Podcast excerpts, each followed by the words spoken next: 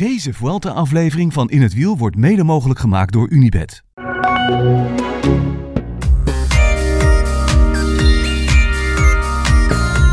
Goedemiddag, Giel.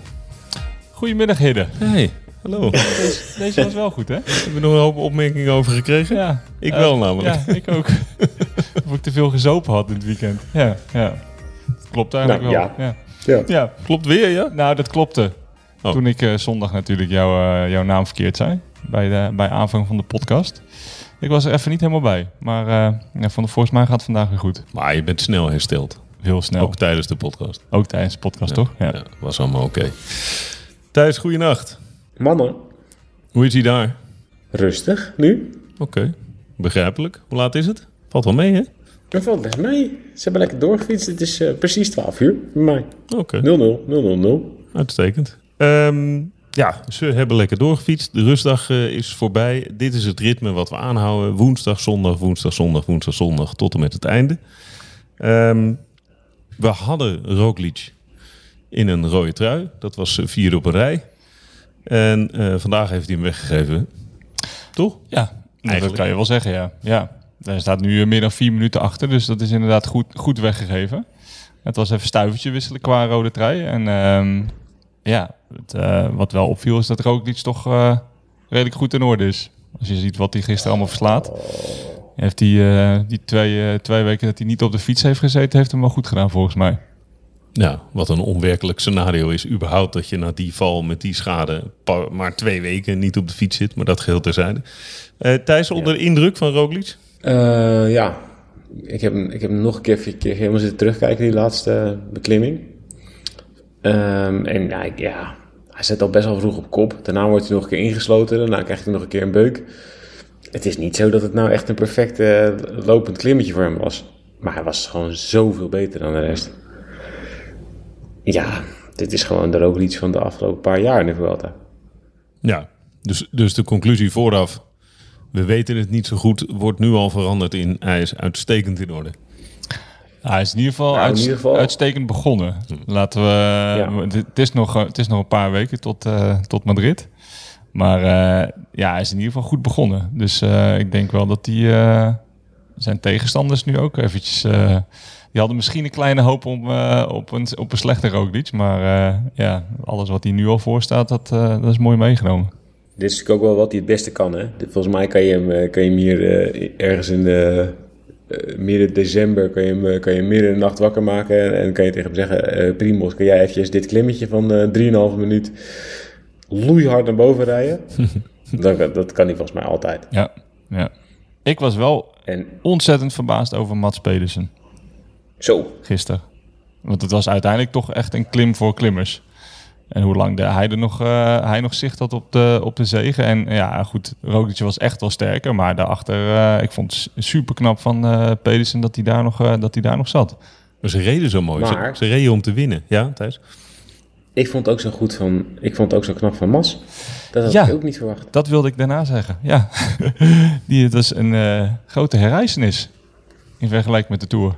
En eh, qua explosiviteit heeft hij, hij heeft goed aan zijn explosiviteit gewerkt tussen de Tour en de Ja, Vuelta. want, want dat kan hij normaal gesproken echt helemaal niet. Nee, nee, Normaal gesproken zou die zes- 17 of 18e worden op zo'n klimmetje. En dan misschien nog wel eh 6 seconden verliezen omdat hij achter een breukje zit of zo. En nu wordt hij gewoon derde. Ja. Ja, die heeft, eh, hij heeft, hij heeft, hij heeft, hij goed getraind tussen de Tour en de Vuelta. Netjes. Heb je nog gezien, heb je dat, heb je nog gezien wat aan de afloop gebeurd is? En waar ze het in Spanje allemaal over hebben? Nee? Er stond, eh, na de finish stond er een, een fan. En die, eh, die noemde Mas een soep normaal.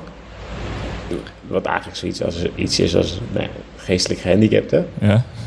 een idioot. Ja, een, een- weet ik veel. En, en Mas, die, die, ja, die was pissig en die draaide om en die zei, eh, heb je wel eens een klap in je gezicht gehad? En die, die fan, die, ehm, in, die, die, die maakte daar een video van. En die zette dat zelf eh, online met de tekst erbij. eh, kijk eens eh, hoe Valverde zijn, zijn ploeggenoten opleidt. Jezus. Oké. Dus daar is in Spanje is daar best wel veel over te doen, omdat er, er is superveel kritiek op Movistar. Eigenlijk al, nou, dat is al jaren. En, en dit jaar is het alleen maar erger. omdat ze dreigen te, te degraderen. En nu eigenlijk ja, de, de, de gemiddelde Spaanse wielerfan ehm, ja, wel ziet dat er best wel wat mismanagement af en toe bij, bij Movistar Af en toe. Ja. Af en toe. Hè? Nou, dat, zenden ze, dat zenden ze ook zelf allemaal uit. Hè? Ja. Dus dat is een beetje een Zenden eigen ze zelf ook allemaal ja. uit. Ja. Drie series Maar- lang. Ja. Ja, maar daar worden nu dus ook allerlei. ehm, ja, er ook al- zijn al allerlei commentaren in Spaanse kranten en websites over dat, dat het een soort van voetbalpubliek is wat nu eh, naar, eh, naar, naar het Spaanse wielrennen kijkt. En ja, het gaat gewoon behoorlijk slecht met het Spaanse wielrennen. Ik denk dat we zo meteen nog even over Soler komen te spreken. Maar er was een, volgens mij, 100, 21. hoe, ik weet- 121 dagen. Ja. etappes in grote rondes. Was Ja. er geen Spaanse geweest. Ja, dat zegt natuurlijk wel genoeg. Ehm, en ja, Mas is een van de renners die dat op zijn bord krijgt. Het is een beetje een soort de... Ja, het is, al, het is bij Mas altijd een soort net niet. Ja, Wat we in Nederland misschien een tijdje hebben gehad met, met Robert Geesing bijvoorbeeld, die ook in allerlei door, de- weet je, door de Johan Derkses, die dan eh, over die dan ook eh, een paar jaartjes dingen over de tour ging opnemen, dat hij helemaal eh, werd afgemaakt, omdat het allemaal net niet was en hij viel altijd, er lag altijd bij en er was een janker, weet ik wat allemaal. Dat sentiment, dat krijgt Mas in Spanje ook een beetje over zich heen. En ehm, ja, ik vind dat je prima af en toe eh, grappen kan maken over, over, over Movistar. Ze hebben het daar natuurlijk niet echt, niet echt super best eh, geregeld allemaal. Maar mensen een idioot noemen of een geestelijk gehandicapte, wat is dat? Wat de fuck is dat voor een, voor een niveau? hè? ja, en het, Dus ja, en het, het wordt dan- niet gezelliger het daar. dan filmen en Valverde de schuld geven. Dat vind ik dan... Het is, het is wel een vreemde omweg om Valverde de schuld van iets te geven natuurlijk. Ja, ik, ik vind dat je van, ver, van verder van veel dingen de schuld kan Ja. geven, maar deze zie ik ook niet helemaal. Ja, nee, nee, nee, heel ver gezocht. Ja. Maar hoe moeten we Mas eh, eh, inschatten dan met, met eh, alles waar het Spaanse wielrennen nu mee te maken heeft? Is hij toch iemand die er nog doorheen kan komen? Gaat hij nog eh, grotere wedstrijden winnen? Of is dit wat het is? Nou Ja, Mas is natuurlijk best wel, het- hij is best wel gefrustreerd eh, in, in, in het algemeen. Omdat hij, hij doet vaak mee van voren. Hij, het is echt een hele, hele goede renner. Eh, anders sta- je niet op het podium van een grote ronde. Maar hij wint zo weinig. En ehm, ja, hij wint weinig in grote wedstrijden. Hij wint ook weinig in kleine wedstrijden. Er, was bijvoorbeeld, ik weet niet wanneer het was, het vorig twee jaar terug, was er, was er wat deed hij toen? de ronde van Burgos of weet ik veel wat. Stond hij aan de leiding in het klassement. Toen ging hij daar het klassement winnen en toen reed hij lekker in de afsluitende tijdrit als leider op één kilometer van de finish. Weet je, wel. toen won hij weer niet. En ja, weet je, hij, hij is een beetje de, de, ja, de blikvanger van die nieuwe generatie die het, het dan moet doen. En als het dan elke keer net niet lukt. En in Spanje hebben ze een generatie daarvoor gehad die alles won. Ehm, ook, in een, eh, ook met allerlei hele dubieuze gasten ertussen. Exact. Waardoor ook eh, het, het grote Spaans publiek zich ook wel voor een, voor een deel heeft afgewend van, van het Spaanse wielrennen. Eh, omdat de ene na de andere Spaanse topper werd eh, betrapt op doping. Ja, ik heb daar wel ook het wedstrijdcircuit zien verdwijnen. Ik heb een, een jaar in Spanje gekoerst. En ja, je zag gewoon de ene ploeg naar de andere en de ene wedstrijd naar de andere omvallen. Omdat allerlei sponsoren afhaakten en publiek afhaakten. En eh, er was zoveel Spaans sportsucces dat ze dat makkelijk ergens anders konden vinden. Ja, als je dan geen fan van wielrennen was, ja, weet ik veel, dan werd je fan van eh, Formule 1 of van tennis of van eh, voetbal. Ja, Maar je hebt, was je, hebt snel dus, ergens anders gevonden. je hebt dus een deel publiek dat af is gehaakt... en een deel publiek dus heel, dat heel erg verwend is geweest... en nu de huidige generatie Ja. dus de schuld geeft. En daar is Mas dus de dupe van. Ja, daar, Mas is daar een beetje de lul van. Ja. En er, er, komt, er komen wel een paar nieuwe goede jonge gasten aan. Dus die Carlos Rodriguez en, en Juan Ayuso. Maar die zijn nog heel jong. Daar gaan we denk ik de rest van de Vuelta ook nog wel veel over horen. En daar hebben we het nog wel een, paar- een aantal keer over. Maar Soler en Mas zijn een beetje van die tussengeneratie. Die dus eigenlijk ja, Valverde en Rodriguez en Contador moeten doen vergeten. Ja, dat is sowieso een aardige erfenis. En ja, voor Mas geldt gewoon. Hij is gewoon, hij is heel goed. Maar hij is niet super rap. Hij is niet de beste tijdrijder. Hij is in- op, op beklimmingen is hij vaak een, een, een hele goede aanklamper. Maar niet iemand die even met een splijtende demarage iedereen eraf piert. Nee. Dus ja, hij rijdt wel rond met de nodige frustraties. En dan eh, komt er ook nog een tour bij, waarbij die eh, daalangst blijkt te hebben en niet meer naar beneden durft. Pff, Ja, dit, dat, ik, ik weet niet hoe ze dat hebben opgelost in, in, in, in een paar weken tijd. Maar ik kan me toch voorstellen dat als Mas ergens in een positie komt waarbij hij kan worden aangevallen door concurrenten bergaf, dat ze toch wel even gaan proberen hoe dat is met zijn daalangst in deze vlotten. Maar ja, d- dat is natuurlijk niet opgelost in een paar weken. Nee, kan ook op zich is het wel een, een vrij goede opsteker wat hij dan gisteren laat zien. Ja, het is niet de, de moeilijkste afdalingen geweest gisteren, maar ik- ja, ik, had hem, ik had hem daar niet verwacht gezien de ontwikkelingen in de Tour. Alleen, denk om, om op jouw vraag te antwoorden, ik denk niet dat Mas beter gaat worden dan wat hij nu is of wat hij heeft laten zien. Nee. Het is een, goede, het is een hele goede renner, maar ja, wat Thijs zegt, hij mist explosiviteit. En hij is ook niet de allerbeste klimmer van het stel. En hij kan niet tijd rijden. Dus ja, het wordt, het wordt wel een beetje lastig natuurlijk. waardeloze rennen. Ja. Als je het zo opzomt, Ja, is het een ja. hele matige. Maar dat valt uh, reuze mee. Ja. Maar die hè, die is een partij opgelucht dat hij degene is die die 121 dagen droogte Zo. heeft doorbroken, denk ik. Nou, nou. Ja, die heeft ook geen hele prettige tour gehad. Nee, allerminst. Ja. We hebben hem nog zien zwalken over de weg, hè? Dat hij toch moest opgeven. En nou, eh, ja, het was een knap staaltje hard rijden. Want het was, eh, het was, het was kantje boord. Ik denk dat hij geluk had dat, dat, de, kop, dat de achtervolgende groep bij elkaar kwam. Dat de twee groepen bij elkaar kwamen. Toen was, toen was het eigenlijk gedaan. Misschien was het hem Ik vond het zo heerlijk, zo heerlijk, een feest der herkenning dat Gregor Moelberger van Movistar in de laatste kilometer nog eventjes op kop ging rijden van Ja. de tien man. Ja, Had hij inderdaad. echt een nul kans had en nog even ging proberen om Soler terug te halen. Ja, ja. Scheelde weinig. ja Toen kwamen ze nog het meest dichtbij. de ene Spanjaard het Zeker. de andere natuurlijk niet, hè? Ja, ja. He- Heb je de bidon gezien? De bidon, zeg. Soler die eh, eh, won met een Movistar bidon in zijn fiets. Oeh. Dus nou, wat hebben we? We hebben Soler, die is. eh, ehm, nou, die, is, die reed. Die heeft zijn hele, zijn hele carrière gereden, zo ongeveer bij, bij Movistar in de ploeg. Ehm, eh, werd daar gezien als nou ja, de, de man die een grote ronde moest gaan winnen. Won Parijs-Nice, was supergoed op weg. En toen bleek toch dat hij niet zo heel goed was als ze allemaal dachten. Of dat hij nou ja, dat er wel ergens af en toe iets mankeerde. Eh, ze vonden hem labiel. En de ene, ja, ze, ze, ze, ze ja, zagen hem niet aan voor iemand die de hele ploeg kon leiden. Hij ging naar de, naar de Giro, ging keihard op zijn bek. Werd eh, toen uitgelachen door, eh, wie was het toen? Chiandri geloof ik daar, die daar ploegleider was. Dat zit dus in, die, in, de, in de nieuwe docu, zeg maar, van, die nog, nog steeds niet op Netflix is. Nee. Die al wel in Spanje is uitgezonden op Movistar Plus.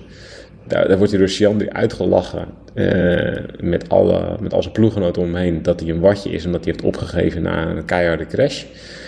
En dan gaat hij naar de Tour, breekt hij zijn twee armen, rijdt hij alsnog in die Opinomi-valpartij, rijdt hij alsnog naar de finish. Blijkt daar dat hij twee armen heeft gebroken en zegt hij, ja ja, maar zie je wel dat ik wel kan doorrijden als ik echt wat heb. nou ja, dat gaat dus, ja, dat hele, tussen hem en Movistar, dat gaat ik verschrikkelijk fout. Ehm, hij vertrekt naar UAE. En dan uitgerekend als hij dus weer voor het eerst komt bovendrijven bij UAE, doet hij dat dus met weer een Movistar bidon in zijn fiets. Heeft hij dus ergens van een verzorger die hem nog kent of weet ik veel wat, heeft hij een bidon gekregen. Met een Movistar renner in zijn kielzog die hem nog probeert terug te halen. En vlak na de finish is dus een, er is een klein filmpje volgens mij ook opgenomen door een fan. Dat de, de mechanicien van UAE, die pakt die bidon. die, eerst wat hij doet als, als Soler komt binnen, die doet ja, ja, yes, die, die, die duikt eh, een of andere soigneur in zijn armen. Die mechanicien pakt zijn fiets, die pakt die bidon en die flikkert hem het publiek in met, een, met, met, met 100 km per uur. Jammer dat, een hij niet tegen, jammer dat hij niet tegen Chandri aan flikkerde dan. Dat was nog Dat mooi geweest voor het verhaal. Ja, Dat, dat was een mooi. Dan was het een aparte aflevering geweest. ja, ja. Maar ja, dat- hij had op een mooie manier zijn gram voor alles wat er gebeurd is. Ja, vind, vind ik wel, ja. Nou, vind ik ook wel. Toch lekker. Ja, even een klein, even een klein neusje naar, naar Movistar. Ja, 121 etappes. Dat is lang. Dat- Zon- dat- zonder Spaanse ik- zegen. Ja, daar stond ik echt niet bij stil dat dat zo lang heeft geduurd. Wie was de laatste dan voor Soler? Volgens mij Isaac Gieren. Ja, Ah ja, dat klopt. En, daarvoor, en daarvoor volgens mij ook Soler. Want Soler won ook nog, volgens mij was de, de, de, de Spaanse ritwinnaar daarvoor ook Soler in de Vuelta. In diezelfde Vuelta Ja, misschien wel. dat zou kunnen. Dat- ook na zo'n afdaling. 2020. Ja. Is dat ook die Vuelta van, die, eh, van de allereerste eh, Movistar-serie? Eh, Dat hij het niet hoort en dat hij begint te slingeren en dat hij dan afzakt en toch doorrijdt. Geweldig. dat is nog het jaar daarvoor. Dat is nog, nog het jaar daarvoor. Dat, is, dat hij op Quintana moet wachten terwijl hij eh, terwijl die 10 minuten voor ligt en en zeker weten gaat winnen. Ja, dat is ook een heerlijke, ja. Echt een geweldige aflevering. Ja. Ja, ja dat is zeker lekker. En ze gaan echt, ik zeg het al het hele jaar, maar ze gaan echt zo hard degraderen, Movistar. Dus ze komen steeds dichterbij. Ja, het- er staan nog maar echt er staan nog een paar puntjes boven de degradatiezone. Ja, en, en, en ja, waar gaan ze nog punten halen nou? Nou, Ja, maf. ze hebben zich nu echt ingeschreven. Ja, op in alle Grand Prix Isbergen en eh, de Koolskamp. Ja, ze gaan- Ja, ja, ja, oké. ja. Ze gaan eh, in Kroatië de Crow Race rijden en allemaal dat Ja, soort dingen. Ja, echt, ze gaan echt, dit, dit- deze strijd, die degradatiestrijd, die gaat helemaal door tot aan Langkawi volgens mij. Ja. Dat Ja, ik wou zeggen, dat, echt heel, een- dat hele Azië-programma telt ook nog mee, toch? Ja, Ja. Dus je krijgt een ontzettend sterk bezette Langkawi. ja nee, dit gaat allemaal, weet Waarschijnlijk, China ja. One, ja. Ronde van Hainan. We gaan Ronde van Hainan gaan ze weer, eh, gaan ze weer gas geven daar zo. Ja. Ah, het was inderdaad met die mannen van eh, Lotto Sudan natuurlijk ook. Hè. Die, de Lee die niet naar het WK gaat. Ja. En, en toch, eh, toch de andere koers eh, wel gaat rijden aan het einde van het jaar om, om punten te halen. Ja. ja, maar hoe goed rijdt die, hè? Die, die, die gaat als, als, Lotto, als Lotto het haalt, dan is het echt gewoon dankzij de Lee. Ja, zeker. Maar ja, hij had natuurlijk ook goede kans om eh, onder 23 wereldkampioen te worden. Ja. Het is wel zonde dat, dat, die, dat degradatiespook zo rondwaart dat, dat dit soort keuzes gemaakt moeten worden. ja, dat dit de gevolgen zijn. Ja. Ja. Aan de andere kant, als hij, als hij wel gaat en hij wordt wereldkampioen, dan wordt, is hij straks wereldkampioen in een ploeg die niet in de World Tour rijdt. Dus dat is ook niet echt handig. Maar ja, het is wel, het is wel, eh, het is wel alle hands aan dek voor een paar ploegen, ja. ja. Wie, wie staan er nog meer? Lotto, Movistar, wie nog meer? Israël, Nou ja. Dus die, die hebben dus nu Teuns gehaald voor volgend jaar. Maar dus ook zijn ploeg zo gek gekregen. Dus dat ze een week van extra afkoopsommen hebben betaald of weet ik wat. Dat hij dus nu al voor Israël kan rijden. Ja Dus dat, dat, is hij nu ook om die kan reden. scoren. Ja. Ja. Eh, ja, nee, dit, dit is wel echt alle hands aan dek voor, voor die ploegen. Dit, dit wordt echt nog, eh, dit wordt één grote chaos. Eh, Bike Exchange zit er nog, die, die moeten echt nog wel punten pakken. IF. ja. Het kan nog wel een paar kanten op. En ja, er wordt natuurlijk zeker Bike Exchange en Movistar, dat zijn eigenlijk de laatste twee slachtoffers. Die, die snappen eigenlijk pas, nou misschien een maand of twee maanden dat ze in problemen zitten. en die zeggen nu dus, ja, dit systeem is oneerlijk. ja. Ja. Ja. Is het systeem oneerlijk? Ja. Het is wel een gek systeem. Want eh, ja, je ziet nu dat eigenlijk gaat er nu worden beslist over wie er wel of niet degradeert in, in het laatste jaar. eh, door wedstrijden niet in de World Tour. Dus ehm, ja, als eh, de Lee een 1.1 win, race wint, dan krijgt hij eh, geloof ik 125 punten. En als je een Vuelta rit wint, krijg je 100 punten. ja. Dus Het is niet helemaal is fair. Maar goed, ze hadden, het, ze hadden het wel aan kunnen zien komen natuurlijk, hè?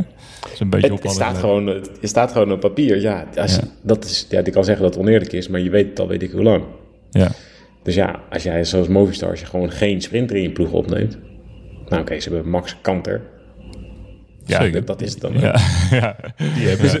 Ja, we maken altijd grapjes eh, over Max Kanter met, eh, goed, met, met een oud collega van mij. Dat, dat Max Kanter dat het vast wel een keer gaat lukken om gewoon vierde te worden ergens. Of, eh, of misschien derde. Maar hij moest laten sprinten. Ik, welke koers was dat nou? Eh, Overigens een aardige gozer en hij kan echt wel goed fietsen. Maar het is altijd, altijd ergens tussen de vijf en de acht dat hij wordt. Laatst toen in een koers die veel Bauhaus won. Nou, ik, dat vergeef me even, ik ben het vergeten. Maar toen was er een valpartij. Ze bleven denk ik nog met zeven renners over, waarvan er drie waren die de sprint aantrokken.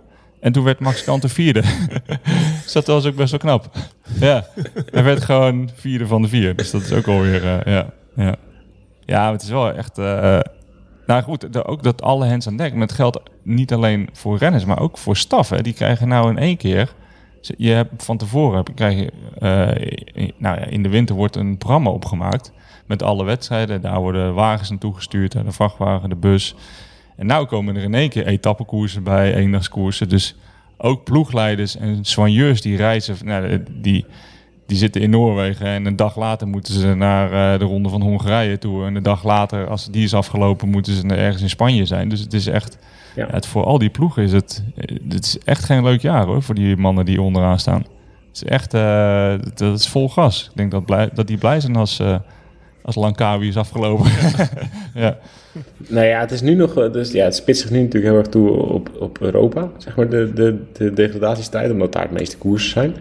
En dan zie je dus dat, eh, weet ik veel, Aram, nou, ja, Egmond, eh, Egmond Cycling Race in Zottegem, die wordt gewonnen door Arnaud de Lee. Een paar dagen daarvoor wint eh, de Lee ook de Schaal Cels, ook in België. En in België is sowieso honderdduizend koersen. Heel raar dat, er, dat de helft van, die, van de punten zo ongeveer gehaald kan worden in België. Maar dan is Aramburu, die wint dan de Tour de Limousin. Dat is ook echt heel belangrijk. heel veel ja. punten. Ja, in dat soort koersen wordt nu eigenlijk beslist over wie er volgend jaar ehm, eh, in, de, in de World Tour rijdt. Wat best gek is. ja. Ja, maar het, is ook nog wel, het, het zou ook nog wel zo kunnen zijn dat we aan het eind van die degradatiestrijd dan toch de conclusie krijgen, ja, we wachten er nog een jaar mee of zo. Nee, Zou- dat dat- gaan ze niet ja. Vind ik ook zo. ja, dat zou, dat, zou wel iets, dat zou iets zijn voor de UCI om dat dan alsnog te doen. Iedereen een jaartje in de stress gezeten en zo. En dan, eh, ja, ja, ja. Maar de gevolgen zijn, de gevolgen zijn natuurlijk echt gigantisch. Weet je, eh, wat gebeurt er met rennerscontracten? Stel je voor dat Bike Exchange eruit gaat. Wat, wat, waar gaan dan Yates en Groenewegen? Zijn die dan vrij? Ja. Stel dat IF eruit gaat. Is dan Carapaz zijn overgang naar IF, is, is, bestaat die dan nog? Ja, kan die, kan die nog ongedaan eh, gemaakt worden? Ja. Als Israël eruit gaat, ma- ma- mag Sylvain Adams dan wel het bonnetje van Froome ergens inleveren? Ja, Is, is Carapaz, de aankoop van Carapaz ook niet een soort, ehm, een soort vrijbrief voor IF? Eigenlijk vragen aan de UCI van laat, laat, we hebben zo'n grote renner in onze ploeg. Laat ons nog World Tour zijn. Dat ze inderdaad dingen door de vingers gaan zien. Of dat ze volgend jaar, als ze wel degraderen, alsnog Ja. overal binnenkomen omdat ze Carapaz hebben. Ja, dat je met wildcards overal binnenkomt. Ja. Ja. dat kan wel natuurlijk. Ja.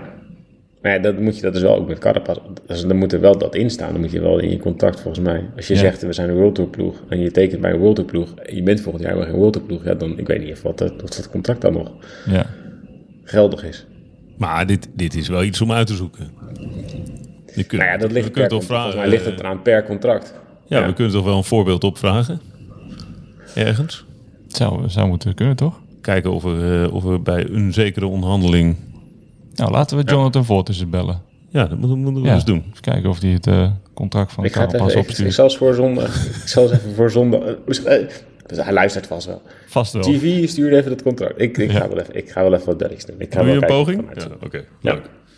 Ehm, nog heel even over de Vuelta. Want de, de conclusie dat Roglic uitstekend in orde is... hebben we vroeg in de podcast getrokken. Ehm, andere conclusies over het klassement? Naar aanleiding van die... Eigenlijk meer gisteren dan vandaag. Mm, nee, ik zag gisteren eh, wel een goede Evenepoel. Ja. Goeie kelderman. Goede Kelderman. Hindley. Aresman mm, nog niet echt. Ja, maar dit kan hij Ja. niet goed. Dat was in Polen Nee, ook. Hij ja. ook op zo'n, op zo'n, eh, op zo'n aankomst voor die tijd. Wat was Ja. het? Maar hij is las ik in een interv- interview met hem dat hij zei dat hij de eerste week ook moeite had. Dan is het hopen dat hij in de eerste week niet te veel van eh, dat soort eh, aankomsten krijgt of eh, te veel tijd verliest. Maar ehm, ja, nee, ja, ja moet je, kan je al conclusies trekken. Nou, ik denk dat we die conclusie naar Nederland of naar de, ehm, naar de ploegentijd natuurlijk al had- hadden getrokken. Dat er al best wel wat verschillen zijn. Ja. Dus uh, Roglic staat er best wel riant voor eigenlijk. Ja. Maar ja, om nou echt iets zinnigs te zeggen over het klassement, dat lijkt, me nog, lijkt me nog een beetje te vroeg. Heel goed. Mathieu van der Poel wordt 35ste Ik vandaag. wil wel nog heel even over Oh. Fred Wright hebben. Wil je het nou... de- Oh, Ja, ik dacht ik ga er fijn maal, ze gaan voorbij. Maar Nee, nee, nee. ik dacht het, het Fred pijn. Wright, Fred Wright is too sexy voor de leiderstrui, denk ik. Want eh, op twee seconden. Ja, hij zit, ik, Fred zit tegen een hoop grote dingen aan te schurken. Maar hij pakt Ja, ze nog niet, hè, dit jaar. Hè? Nee.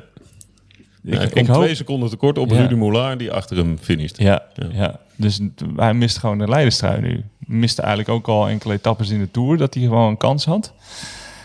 Reed sterk voorjaar. Waar, waar gaat die jongen winnen? Enkele etappes ook. Enkele. Dan wordt, hij gewoon, dan wordt hij gewoon wereldkampioen straks. Dat zou een soort Oscar Freire. die gewoon... Nou, die won nog alles, toch? Ja, maar niet, niet voordat hij wereldkampioen werd, hè? Nee? Nee, nee, nee. Won, die won niet veel voordat hij wereldkampioen werd, denk ik, toch? Nee, die reed bij nee, Vitalicio. dat- ja, dat- misschien ergens in de Ronde van Burgos dat hij een etappe had gewonnen, maar ik denk niet Hij dat was einde, dat was het WK in Verona. Dat was die einde contract bij Vitalicio. Toen reed hij ergens helemaal aan het einde van het jaar reed hij een paar wedstrijdjes goed. Werd hij geselecteerd door de bondscoach. Omdat er in Spanje op dat moment wisten ze ook niet wie ze naar een eendagskoers moesten sturen. En toen eh, ja, zat hij in de finale. Toen waren ze met een mannetje of tien over. En toen reed hij in één keer weg aan de rechterkant van de weg. En toen, volgens mij, er waren ook heel veel...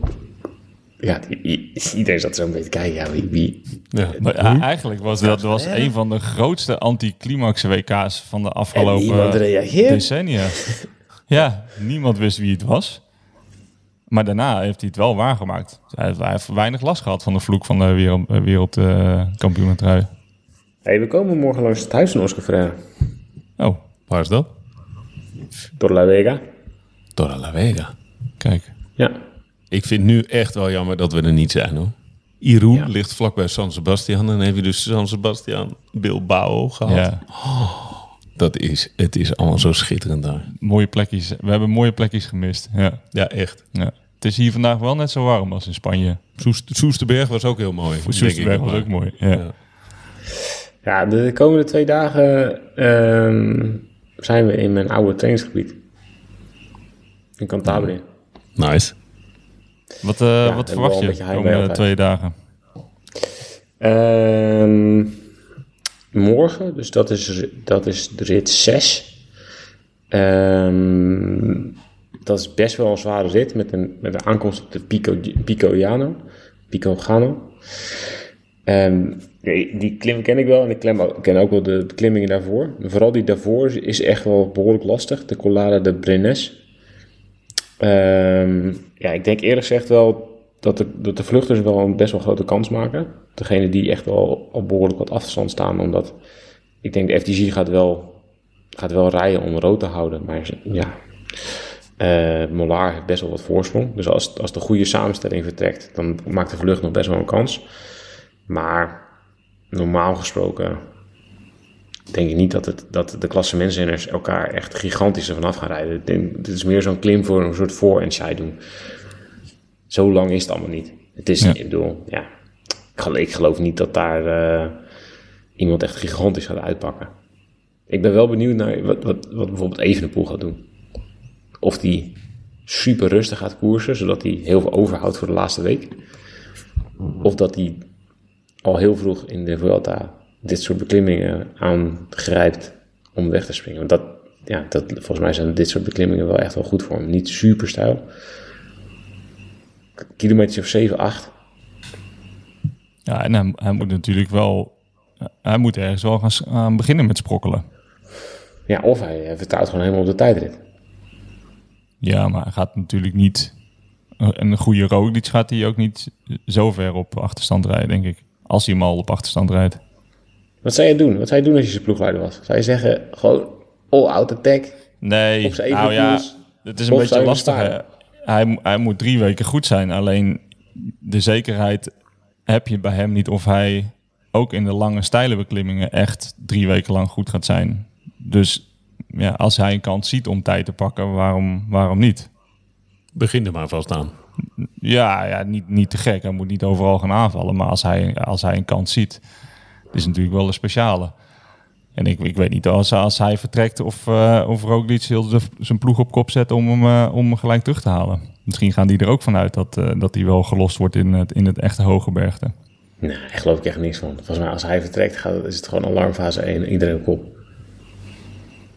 Dat, dat, denk ik, na, dat denk ik namelijk vaak bij Evenepoel. Want dat doet hij namelijk nu al een jaar of drie. Dat hij vertrekt. En dan denk ik altijd als alle hens aan dek. Maar dat, dat, of dat is nooit, of ze komen sowieso tekort. Hij wint altijd wedstrijden van ik denk, maar hoe kan je hem nou laten rijden? Waarom is het sowieso niet alle hands aan dek? Want dan vertrekt hij op eh 80 van de meet. Ja. En dan denkt iedereen, ja, het is nog ver. Maar niemand denkt dan, oh godverdomme, het is even een boel. dan, Rijden. moeten, dan moeten we achteraan. Nou, in Luik was dat wel opvallend. Er was, ja, de- de- toen was alleen eh, Paulus was de enige die reageerde, toch? Ja, ja. En, en de rest dacht allemaal nog, oh, het is nog, eh, het is nog 50 kilometer. We wachten nog eventjes. Maar voor, voor zo'n eh, zo'n goede renner die al zoveel heeft gewonnen, laten ze, vind ik, laten ze hem altijd vrij makkelijk. Nou, hij, als hij wegrijdt, dan is er ook bijna niks aan te doen. Maar ze laten hem altijd tussen aanhalings- aanhalingstekens vrij makkelijk rijden, vind ik. Maar hij vertrekt altijd wel op een lastig punt. Ja, en hij iedereen vertrekt zit al zo op- vroeg Ja. dat ze allemaal nog denken, de finale is nog niet helemaal begonnen. Hij valt vast wel stil. En dat Ja, maar dat, doet- dat doet hij dus al drie jaar niet. Hij, hij is nog nooit stilgevallen in een wedstrijd waar hij is vertrokken. Nee, dat klopt, ja. Dus dat is toch Hij best wordt wel nooit gek. teruggepakt. Hij wordt, nee, als hij is vertrokken en hij heeft een voorsprong, dan wordt hij gewoon nooit teruggepakt. Dus het moet toch sowieso altijd alle hands aan dek zijn op het moment dat hij zijn kont van zijn zadel li- ligt. Maar dat zou dus... Dus dit is zou eigenlijk... Deze theorie zou zeggen... Als je dat in de Vuelta op de ene laatste klimmorgen doet... Ja, Als het echt nog zo weet je, iedereen denkt... "Ai, kom op man, het is nog 40 kilometer. Waar ga jij naartoe? Ja, niet nu al. ja. Niet nu al. Dus volgens mij is dat zijn sterke punt. Maar, maar zou je dat dan, dan dus... Dan zou je dus voor pleiten gewoon all-out attack. Nou, ik zou, ik zou, het hoeft niet per se morgen, maar ik zou niet wachten tot het, eh, totdat de echt hoge bergen beginnen. Nou, maar het kan in het weekend kan het ook nog, hè? Zaterdag. Ja, maar zaterdag, is zaterdag niet die hele steile aankomst? Nee, dat is zondag. Ja, die, zon- zondag is eh Praes Nava, Ja. als ik het goed uitspreek. Ja, z- nee, zon- zondag is te stijl, maar zaterdag zou nog kunnen. Dus donderdag krijg je eh, eh, voorentscheiding bij de klassementsrenners. Dan vrijdag eh, vluchters die winnen. Nee, Danny van Poppel, Zaterdag. toch? Vrijdag was Danny van Poppel, hè? Dat waren we volgens mij in de laatste podcast overeengekomen, toch? Ja, dat was Ja, dat thuis goed, ja. overeengekomen met eh, zijn buurman in Bali. Ja, oké. ja. Die toevallig ook heel veel stand van wielrennen heeft. Zeker, Ja, ja. kommetje. Ja. Nou, ik, ik sprak een Deen hier. En eh, ik, ik, ik was heel enthousiast over. Oh, ik kom naar Denemarken, ben ik net geweest in de Tour. En Jonas Vingegaard en zo. Hij keek me aan. Jonas Vingegaard, nooit van gehoord. Dacht ik echt. Shit, Onder welke hey. steen heeft die gelegen dan? Of was Ja. die al heel lang in Bali? Dat kan Of natuurlijk ook, hè? zitten wij in een heel klein bubbeltje en denken wij dat Ja, er zijn nog weet altijd meer mensen die Jonas Vingegaard niet kennen dan wel natuurlijk. Hè? Ik kan me in Denemarken niet meer voorstellen na die beelden. Nee, dat is waar. Het gaat niet zo goed met hem, hè? Heeft Nee. een beetje, hij komt niet meer buiten. Maar wat is dat? Is, is, die, is die zo gechoqueerd door alle aandacht na eh, de winst in de Tour? Zoiets las ik. Ja, ja ik ook. Ja. Ik kan me ook wel voorstellen, eerst gezegd, als je best wel een rustige, timide gozer bent. En dan in één keer kan je niet, niet, niet de straat meer op. Het lijkt me nogal een eh, verandering in je leven. Niet per se leuk. Waar, eh, waar, hoe komt het dat we daar eigenlijk nooit vaker bij stilstaan? Want dit is natuurlijk ook een beetje wat met Tom Dumoulin is gebeurd. Ja, moest ik ook aan denken. Tom, zijn huldiging na de Giro in 2017, v- vond hij zelf eigenlijk alleen maar ongemakkelijk. Ja. Ik, ik kan me ook voorstellen dat Jonas Vingegaard het heel ongemakkelijk vindt om op een balkon van een gebouw Ja, meer dan 10.000 mensen voor je snuffert. om, om dat te doen. Kan je, kan je als toerwinnaar nee zeggen tegen dat soort dingen? Nou, volgens mij is dat nog niet het allerergste. Kijk, het- ik weet nog dat Dumoulin, die was toen heel blij dat Jos van Emden erbij was bij die eh, huldiging. Want toen, Van Emden die won die laatste tijdrit. En eh, die woonde ook in de buurt, dus die kon ook mee, eh, mee op, dat, podium. En dan kon die Jos van Emden nog naar voren duwen van, nou weet je, kan je nog een beetje delen. Ehm, maar eh, Dumoulin die vond het vooral heel, heel erg dat er toen hij thuis kwam, de dagen daarna, dat er paparazzi in zijn tuin lagen. Ja. Dat lijkt me, net, dat lijkt me echt, ja, het, het lijkt me echt vreselijk. Maar dat is toch ook verschrikkelijk, als je daarover nadenkt. Dan zet je de vuilnis buiten en dan eh Ja. klik, klik, klik, klik, klik, klik. Ja, en, en hij heeft natuurlijk hij heeft, en hij heeft een bijzonder verhaal, Vingegaard. Hij heeft een vrij bijzondere eh, schoonmoeder, die volgens mij eh, heel Denemarken bakt eh, heeft Ja. gewonnen. Ja. Dus het zijn best wel verhalen die natuurlijk wel, het wel lekker doen bij de pers. Of bij de, bij, bij de, bij de Ja. roddelpers. Goed, goedemorgen, good morning Denmark. Eh, daar zijn ze vast al twaalf keer voor uitgenodigd. wat, wat kan je daartegen doen? Wat zou je, wat zou je doen als ploeg daartegen? Want is het, is Ja, het, ik weet niet. is Ik het heb- goed ik- om ik hem nou ik heb- gewoon op een soort non-actief te zetten en hem even met rust te laten? Of zou je hem... Ik kan heb me ook één ervaring met, met een echte paparazzi in de bosjes. Oh, vertel. Joop van Tellingen? Nee, ja, geen idee. Ehm, nee, dat is bij de geboorte van een van onze kinderen. Toen ehm, eh, stond er dus iemand. eh, eh, toen, toen ging mijn vrouw buiten eh, met, de, met de kinderwagen voor het eerst, of voor, voor de tweede of de derde keer, weet ik een van de eerste keer naar buiten met die kinderwagen, met die kleine erin. En, en toen stond er dus iemand buiten die daar foto's van nam. En, en zij liep terug naar binnen en, en zij was echt helemaal, helemaal perplex van, eh, er staat gewoon iemand hier buiten foto's te nemen, what the fuck. En toen ben ik naar buiten gelopen en er was toevallig een, een, een vriend van mij die aannemer is, de grote sterke, sterke gozer, daar was ik mee het praten. En die, eh, ja, wij liepen samen naar buiten en die gast in die auto, die, die, gaf, die wilde dus wegrijden. Die stak zijn fototoestel weg en die wilde gaan wegrijden. En wij renden achter die auto aan. En die gast, ja, ik wist niet precies wat ik ging doen, maar, maar die aannemer, die, ja, die stopte die auto en die zei, "Goh, hey vriend, nu dat eh, dingetje eruit, heel snel, anders trim ik je in elkaar. en die gast was, oké, oké, die gaf dat, ja, die delete die foto's van zijn simkaart of van zijn ding en ja, dat was het. Maar ik vond het zo. Ik was wel. eh, ik was wel. eh perplex. Ik was wel. Ik voelde me wel smerig. Ja, Ja. ja, dat kan ik, dat kan ik me ook best wel goed En voorstellen. als je dat dus de hele tijd hebt. Ja, maar hij heeft het, wat is dan het handigste, of wat is het slimste voor een ploeg dan om te doen? Want hem thuis laten, heeft hij het daar altijd of hij sluit zich op? Of je gaat in een soort normaal leven verder. Natuurlijk wordt hij in, in Spanje of in Frankrijk of, of in België gaat hij ook aangeklampt worden. Maar dan zit je toch in een soort normaal, een, een, tussen aanhalingstekens normaal ritme. Dat wat je graag doet met je ploegmaten om je heen. Net wat je zegt, weet je wel, je kan iemand anders ook naar voren schuiven. Als, eh, Ja, bij- en als bij een ben je gewend. Dat er mensen om een handtekening komen. Of een Ja. Of weet ik veel. Dat, Dat is meer je natuurlijke habitat dan wanneer Ja. je gewoon in Denemarken blijft zitten en je als een soort kluizenaar natuurlijk. Ik zou Ik weet, wel- ik weet niet of we het nu chargeren, want ik, ik weet dat hij het wat lastig had, maar ik weet niet of hij nou eh, opgesloten zit binnen. Maar ik Nee, kan maar me ik- wel voorstellen dat, Ik zou hem als ploeg wel uit zijn huidige omgeving halen. ja, Mits, mits hij, het gaat natuurlijk wel om wat hij wil. ja, En waar hij ook een goed idee bij heeft. Ja. En, Maar dat, dat, moet- dat hij moet verhuizen. nee, nee, nee, nee, nee. Dat hij even tijdelijk eh, de premises eh, moet verlaten. ja. En dan, eh, weet ik veel, eh, eh, maak een mooie omgeving voor hem waar hij, eh, waar hij weer rustig eh, aan trainen kan. Maar ik Zet ken hem, een plek eh, waar ze niet weten wie die is.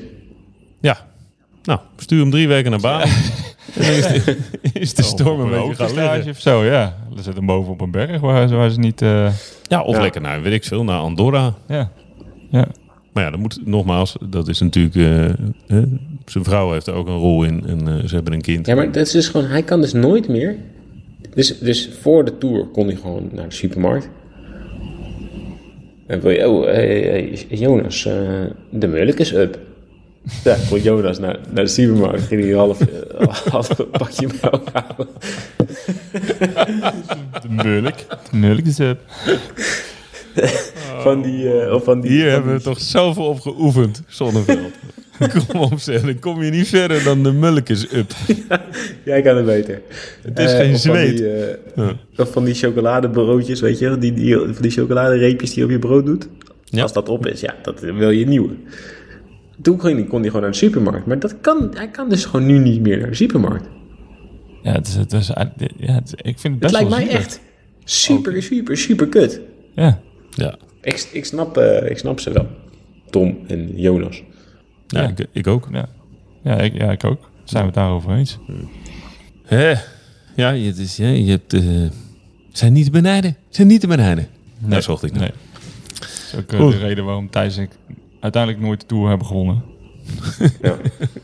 Beter maar van niet, hè? Beter van niet. Ja.